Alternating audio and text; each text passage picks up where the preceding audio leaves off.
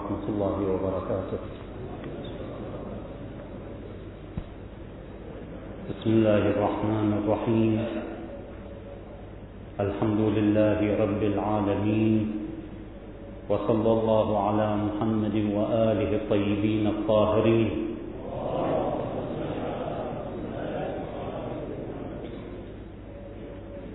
ورد عن الإمام الصادق عليه السلام أن علامات الظهور علامات تتبع بعضها بعضا كنظام الفرز كما في تعبيره الشريف. وأشرنا إشارة مقتضبة إلى علامتين حتميتين هما علامة ظهور السفياني الذي يخرج من بلاد الشام ويستقر في الكوفة بعض الشيء وأشرنا إلى رايتين راية اليماني الراية الهادية وراية السفياني وراية الخراساني وكثير من الأخوة يتساءل هل أن وصف الإمام عليه السلام بأن راية اليماني راية هدى إشارة إلى انحراف راية الخراساني أشرنا إلى ذلك في محاضرات سابقة وأكدنا بأن ذلك لا يعني وصف راية اليماني بأنها راية هدى بمعنى أن راية الخراساني راية ضلال وانحراف إنما أراد الإمام الصادق عليه السلام أن يشير إلى أن راية اليماني راية خالصة لنصرة الإمام المهدي عجل الله فرجه الشريف. في حين أن راية الخراساني تكون فيها تركيبة خليط من اعتقادات شتى منحرفة. منها من جاء فعلا للتصدي لنصرة الإمام المهدي عليه السلام. وبعض الاتجاهات اتجاهات زيدية. وقلنا أن هذه الاتجاهات الزيدية ليست بالضرورة أن تكون زيدية حقيقة. إنما أن تكون فكرتها وعقيدتها زيدية بمعنى أنها حينما تريد أن تناصر الخراساني تناصره على أساس أنه الإمام المفترض الطاعة. الخراساني وليس المهدي. بأنه رجل شهر السيف وتصدى وكل من شهر السيف وتصدى فيكون إمام مفترض الطاعة. هذه فكرة زيدية وليس بالضرورة أن يكونوا هؤلاء زيدية. واضح. يعني فرق بين الانتماء الزيدي وبين الاعتقاد الزيدي. هؤلاء الذين يكونون مع الخراساني اعتقادهم اعتقادا زيديا وليس بالضرورة أن يكون انتماءاتهم انتماءات زيدية وانتهينا إلى أن الخراساني حينما يتحرك اليماني يتحرك بدوره الخراساني متجها إلى العراق. وقلنا أن العراق تكون بعد ذلك قبلة التشيع في العالم. قبلة التشيع. كل ما يجري في العراق اليوم من قتل ومن تهجير ومن إلى آخره هذا يدل على نشارة نصر لشيعة العراق. ولذلك تجد أن التشيع وأن الشيعة في العالم تتجه أنظارهم لنصرة العراقيين. وهذا الشعور يتنامى حتى يصل إلى تجهيز اليماني والخراساني بجيشين لنصرة شيعة العراق بعد ذلك. ولذلك حينما يتجه الخراساني يتجه بهذا. يتجه لمناصرة الشيعة في الكوفة. واليماني يتجه لمناصرة الشيعة أيضا في الكوفة. إذا سيكون شيعة العراق هم قلة الشيعة في العالم. وهذا فخر عظيم. وهذا نصر كبير إن شاء الله تعالى. وليس إحباط وليس يأس. إنما هو حالة تقدم وحالة إن شاء الله اتجاه للنصر ولظهور الإمام بإذن الله تعالى. إن شاء الله على نقول نحن على مشارف الظهور وهذا بإذن الله, بإذن الله تعالى يتحقق حسب المصلحة الإلهية. إذا الخراساني حينما يتجه يتجه لمناصرة شيعة العراق حينما يتولى السفياني قتلهم وتنكيلهم. ومعروف أن شخصية الخراساني شخصية علمية. شخصية علمية وليس شخصية سياسية. شخصية علمية. تقود مجموعة تقود أمة من الخراسانيين من الإيرانيين. أصحاب الرايات السود يتوجهون إلى العراق وعلى رأس جيش الخراساني رجل فتى شاب يسمى شعيب بن صالح شعيب بن صالح التميمي. بعضهم يقول هل أن هذا شعيب اسمه الحقيقي أم رمز؟ البعض يقول رمز والبعض يقول نعم هي شخصية حقيقية. الذي يقول هو شخصية حقيقية واضح بأنه رجل ينتسب إلى بني تميم ويكون من ضمن أنصار الخراساني وفي مقدمة جيشه. أما الذي يقول بأنه رمز بأن اسمه رمز وليس اسمه الحقيقي فيقول بأن شعيب بن صالح رجل ناصر نبي الله شعيب في ذلك الوقت.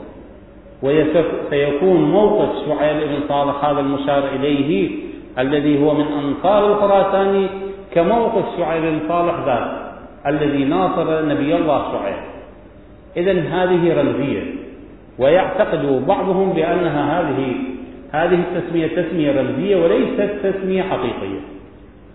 وعلى كل حال سواء كانت رمزية حقيقي يعني اسم حقيقي أو اسم رمزي فشخصية شعيب بن شخصية عسكرية ولائية تحظى باهتمام الخراساني ثم تحظى باهتمام الإمام المهدي عليه السلام ليكون بعد ذلك قائده قائدا لجيشه وقائدا ميدانيا لعسكره.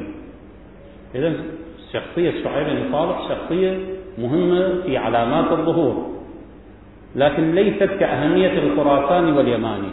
ولذلك الروايات تركز على اليماني والخراساني وشعيب بن صالح وأمثالهم تبعا لهذه الشخصيات. إذا شخصية الخراساني شخصية علمية شخصية قيادية وليس شخصية عسكرية.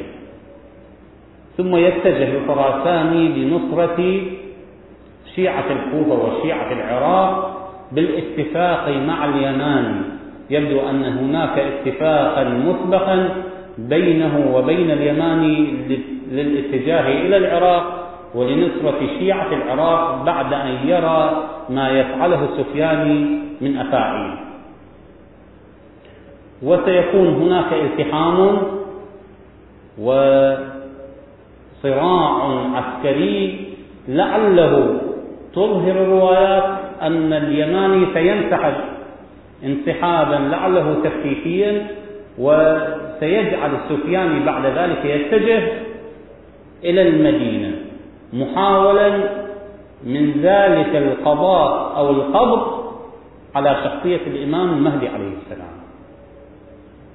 فإذا دخل المدينة وفعل فيها ما فعل من قتل وتنكيل حتى يشير المقدس الشافعي في البدء والتاريخ وهو رجل من أبناء السنة ومن علمائهم يشير إلى أن سفياني حينما يدخل إلى المدينة أيضا يتبع أو يتابع الخط الذي آه، يكون في المدينة خطا شيعيا صرفا ولذلك يقتل كل من اسمه علي وفاطمة يقتلهم ويطلبهم.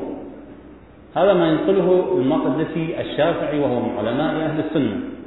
بعد أن ينتهي من تصفية المدينة وحينما يخرج السفياني منتصرا في رأيه من المدينة متجها إلى إلى مكة يحدث القتل.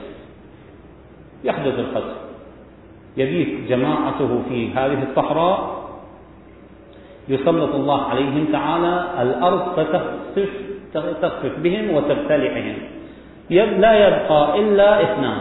أحدهما النذير والآخر البشير. النذير صفة طبعا والبشير صفة أيضا. النذير يتجه إلى السفياني ويبلغه ما حل بجيشه لأنها لأن السفياني كما قلنا لا يقود جيشه دائما هناك قيادات عسكرية في جيش السفياني يتجه إلى السفياني ويبلغه ما حل بجيشه وهذا هو النذير. والبشير يتجه إلى الإمام المهدي عليه السلام ويبشره بما حل بجيش السفياني والروايات تشير سنة وشيعة بأن الله تعالى يجعل في البشير آية بأن يكون وجهه إلى قفاه. فإذا بشر الإمام المهدي عليه السلام وتاب على يديه يطلب من الإمام المهدي عليه السلام أن يعفو عنه فببركة الإمام عليه السلام يمسح على رأسه فيكون وجهه إلى الأمام وتكون هذه آية ومعجزة للإمام عليه السلام. اللهم هذا هو الجيش الذي أو هذا هو الخط الذي يحل بجيش السفياني ولذلك بعض الروايات تسميه بجيش الخسف جيش الخسف هو جيش السفياني. انتهت هذه العلامة. اليماني والخراساني والسفياني والخسف هناك علامة أخرى من من الحتميات. هذه العلامة هي علامة الصيحة. الصيحة. وبعضهم يشير إلى أن هذه العلامة تسمى بالنداء. بعضهم يشير إلى أنها تسمى بالفزعة. يفزع الإنسان من أمر مهول تسمى بالفزعة.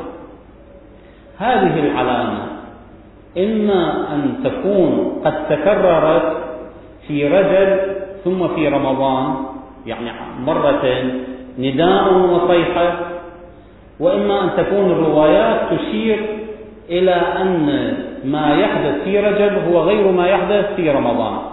لأن هناك روايات تشير إلى أن الصيحة تحدث في رجب وروايات تشير إلى أن الصيحة تحدث في شهر رمضان.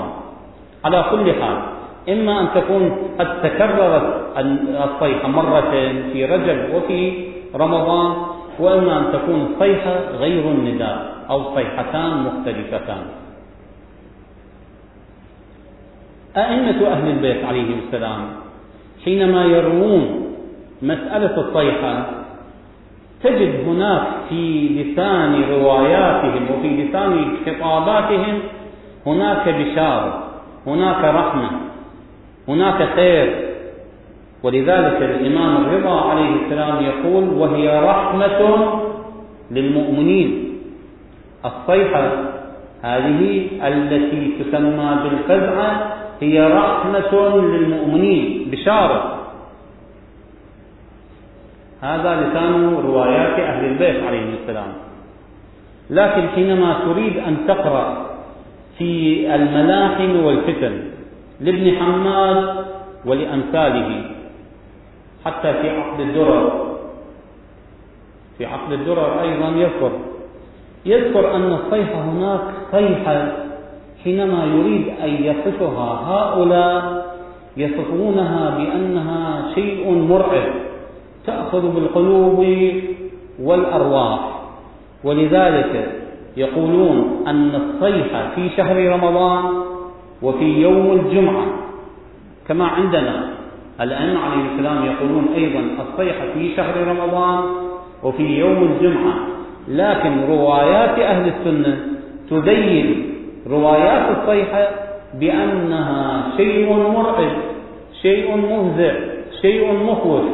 ولذلك يقول حينما تسمعون بالصيحة اغلقوا الأبواب وسدوا سدوا الكور يعني الشبابيك واجعلوا في آذانكم وقرا واسجدوا لله خاشعين. وقولوا سبوح قدوس ولا تفارقوا الأرض. هذا لسان هذه الروايات تشعر منها شيء فيه فزع.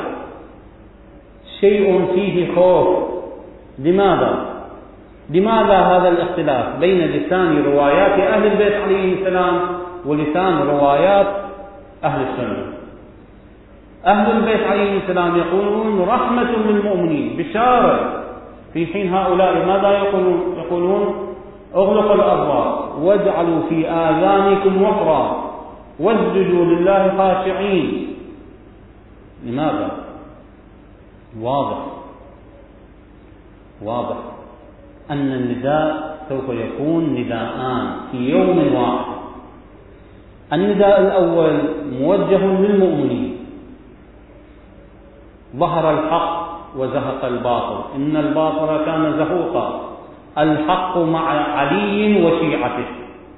هذا النداء الأول. هذا النداء الأول. هذا النداء الأول لا بد أن يكون ماذا؟ رحمة للمؤمنين. بشارة. في حين سيكون ماذا؟ خوف وفزع للآخر.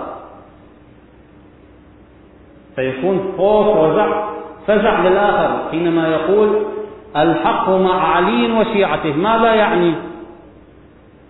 يعني أن غير شيعة علي على ضلال؟ هذا هو التفكير. ولذلك تجد أن هذه الروايات روايات السنة روايات علماء السنة تهمش بأنها حالة من حالات الفزع والخوف والرعب. ولذلك يقول اغلقوا آذانكم اجعلوا فيها وقرا لا تسمعوا هذا النداء.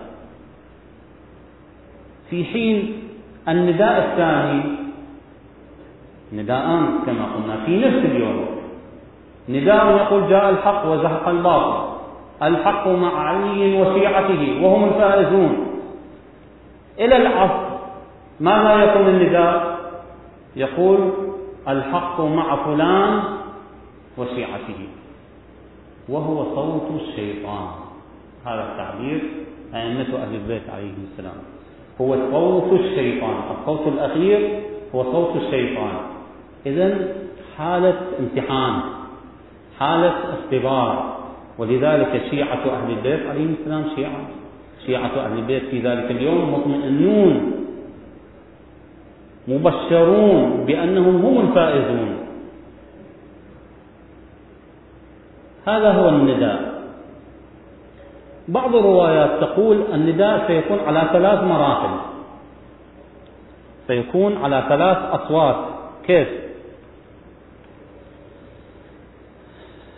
عن الإمام الرضا عليه السلام يقول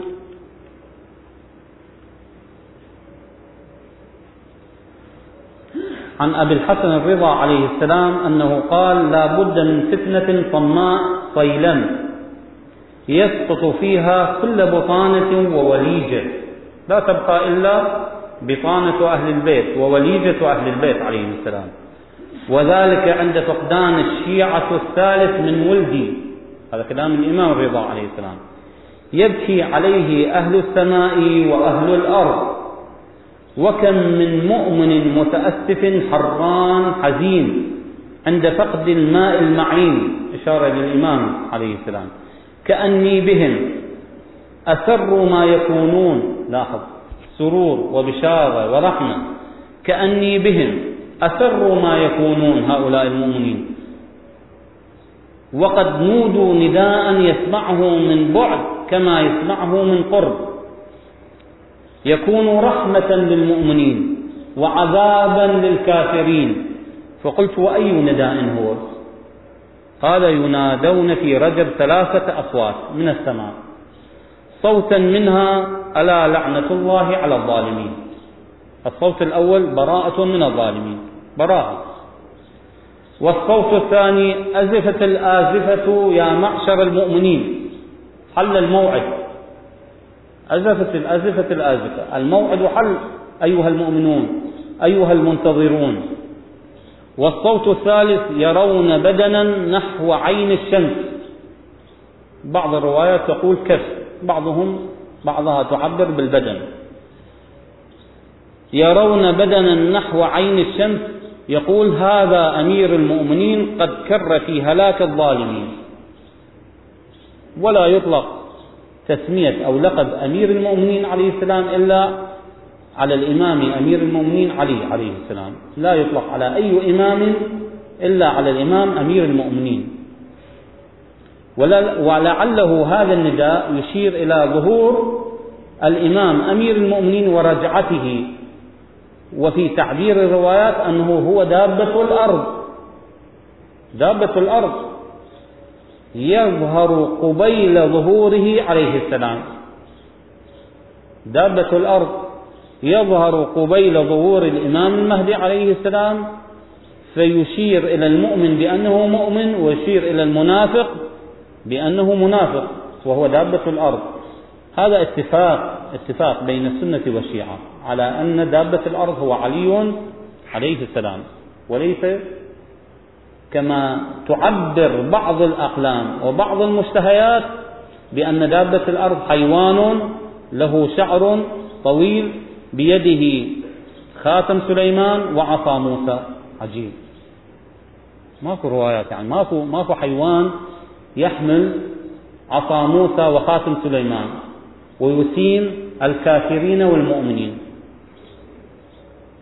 دور دابة الأرض هي الحوار هي المحاججة إلقاء الحجة. ولا يمكن أن تكون هذه الحجة قد صدرت من حيوان من دابة. الدابة كل ما يدب على الأرض.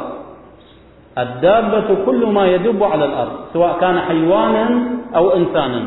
وإن كان الانصراف الانصراف في استعمال هذا اللفظ ينصرف إلى الحيوان لأنه يدب على الأرض. لكن أيضا يشمل الإنسان.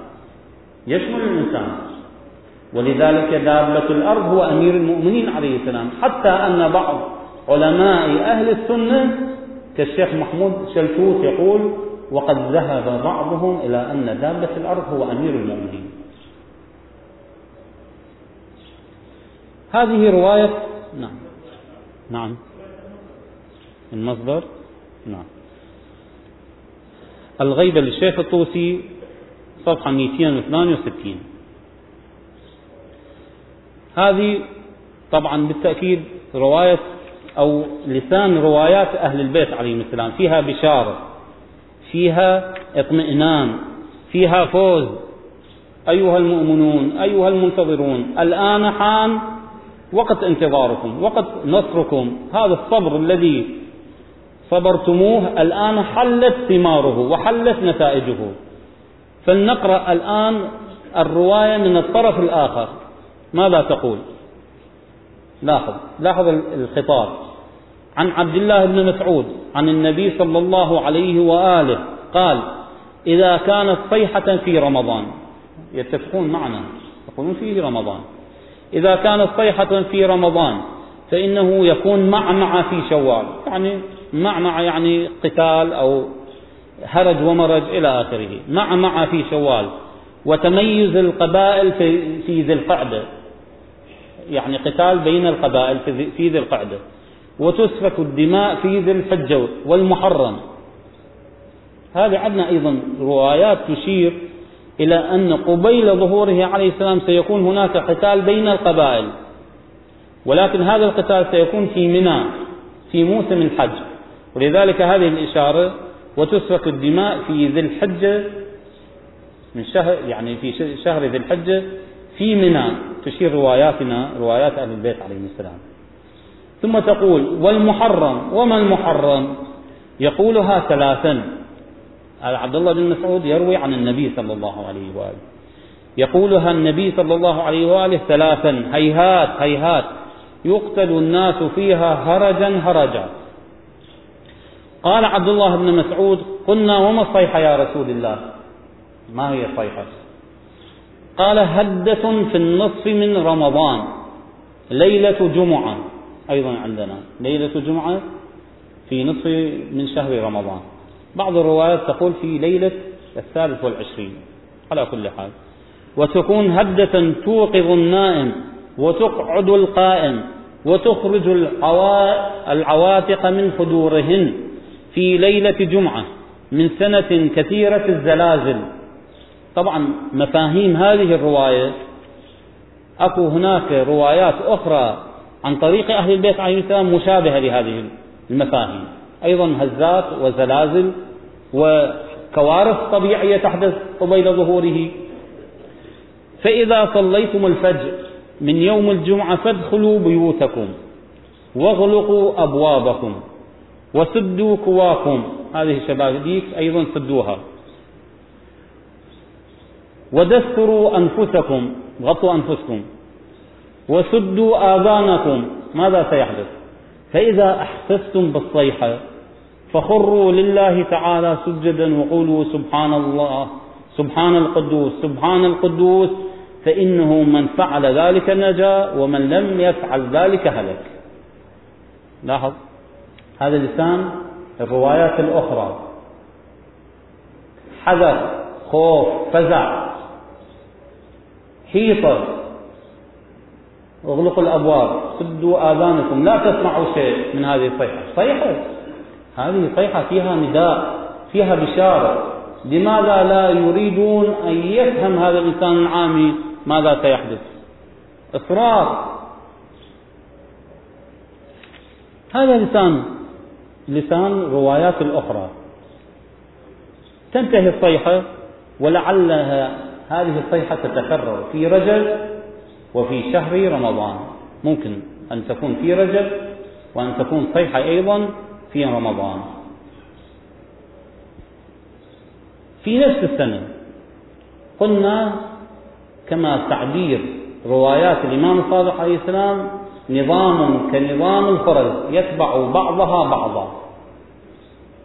لما تنتهي الصيحة في شهر رمضان تأتي علامة أخرى. هذه العلامة هي النفس الزكية. قتل النفس الزكية في نفس العام في نفس السنة. ومقتل النفس الزكية كما في تعبير الروايات أن الإمام عليه السلام عند ظهوره الأولي كما قلنا أن الإمام عليه السلام سيظهر ظهورا أوليا بدائيا يتحرك باتجاه مكة يريد أن يتأكد من الظرف الأمني في مكة. وكثير من المباحثين يقولون هناك علاقة بين مكة وبين العراق في مسألة الظهور. علاقة بين مكة بين الحجاز وبين العراق في علامات الظهور. متى ما هيئت ظروف العراق وظروف الحجاز هيئت كذلك معها ظروف الظهور.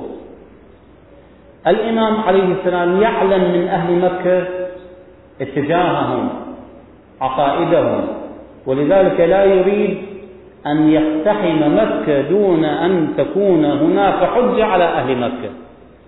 ولذلك سيقول لأصحابه هذا الخطاب. لاحظ منطق الإمام عليه السلام حوار. منطق الإمام بدون عنف كأجداده عليه السلام. الإمام أمير المؤمنين عليه السلام حينما يبدأ في صفين في معركة الجمل في النهروان لا يبدأ حربا إلا أن يحاججهم ويلقي الحجة عليهم. الإمام المهدي عجل الله فرجه الشريف يفعل كذلك. ولذلك هذه الرواية سنقرأها ثم ننتقل إلى موضوع آخر. يقول الإمام عليه السلام لأصحابه يا قوم إن أهل مكة لا يروي لا يرويونني.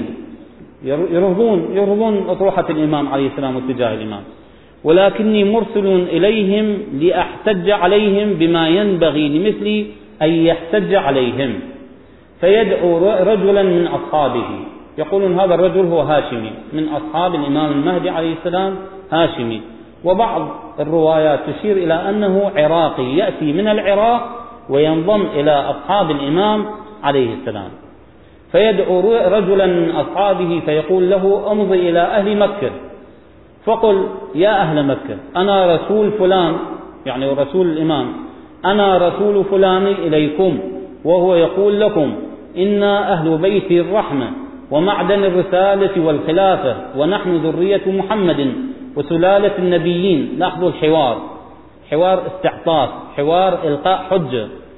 وإنا قد ظلمنا وقهدنا وقهرنا وابتز منا حقنا منذ قبض قبض نبينا إلى يومنا هذا فنحن نستنصركم فانصرونا فإذا تكلم هذا الفتى بهذا الكلام أتوا إليه فذبحوه بين الركن والمقام وهي النفس الزكية فإذا بلغ ذلك الإمام قال لأصحابه ألا أخبرتكم أن أهل مكة لا يريدوننا فلا يدعونه حتى يخرج فيهبط في عقبة طوى في ثلاثمائة وثلاثة عشر رجلا يبدأ الظهور.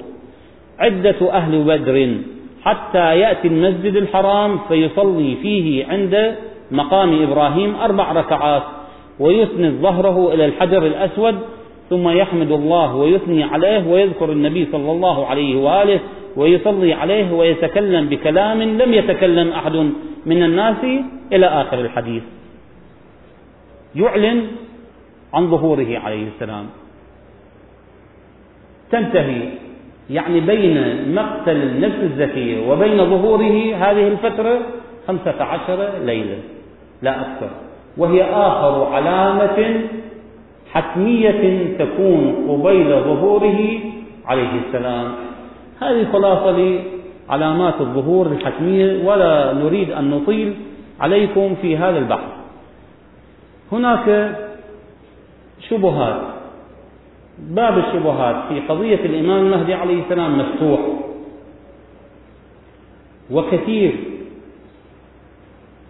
من هؤلاء يحاولون أن يزاوجوا بين شبهات الإمامة وشبهات الإمام المهدي عليه السلام فيلقونها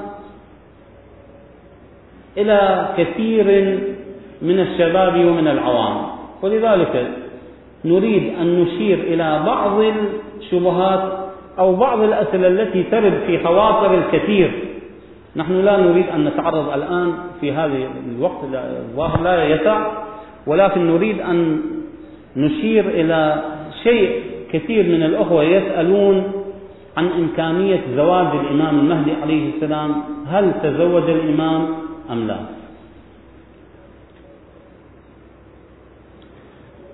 طبعا مسألة البحث في خصوصيات الإمام عليه السلام لا نريد التعرض إليها لأن خصوصية حياة الإمام ومعيشة الإمام تهمنا حقيقة ولكن لا ينبغي أن نبحث فيها كثيرا إنما هناك احتمالات هناك احتمالات في خصوصيات معيشة الإمام وفي حياة الإمام على أساس ما ورد من روايات عن أهل البيت عليه السلام عن موضع سكناه كيفية المسكنة كيفية معيشته من يخدمه مع من يتعامل.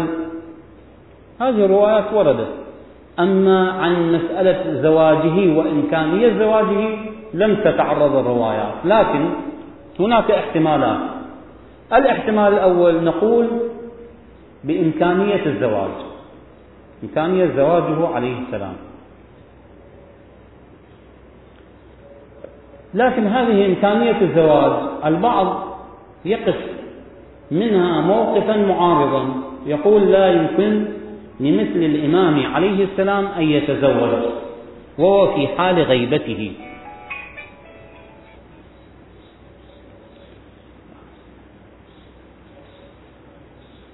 نعم.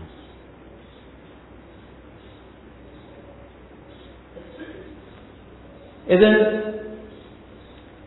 النظرية الأولى التي تقرر بأن الإمام المهدي عليه السلام لا يمكن أن يتزوج لديهم أدلتهم. يقولون لو فرضنا أن الإمام عليه السلام قد تزوج فلا بد أن نبحث عن وجود امرأة يكون عمرها كعمره الشريف طويلة العمر.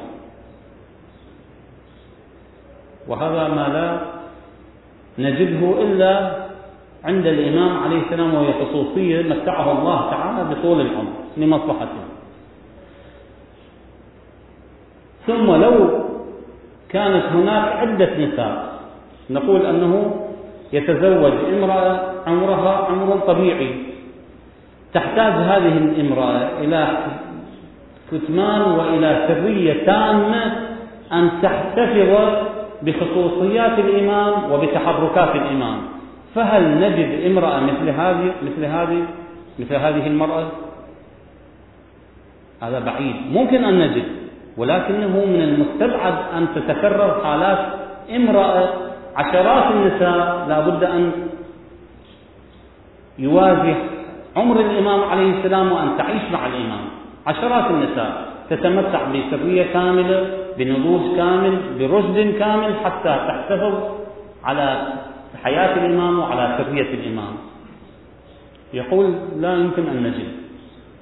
ولعل الإمام عليه السلام أن يتحفظ عن امرأته بأن يغير هويته. ممكن كما حدث لمحمد ابن عبيد الله ابن إسماعيل ابن, ابن الإمام الصادق عليه السلام. هذا صاحب الطريقة الإسماعيلية المعروفة. هذا غير اسمه إلى ميمون القداح. القداح يعني من يعالج العيون يقدح العيون ويعالجها يسمى بالقداح. غير اسمه وقال ميمون القداح. وحينما تزوج حتى امرأته وأولاده لا يعرفون أنه هو هذا محمد بن عبيد الله بن إسماعيل. يقولون هذا محمد ميمون القداح ومشت هذه القضية حتى توفي بعد وفاته بسنين اكتشفت هويته.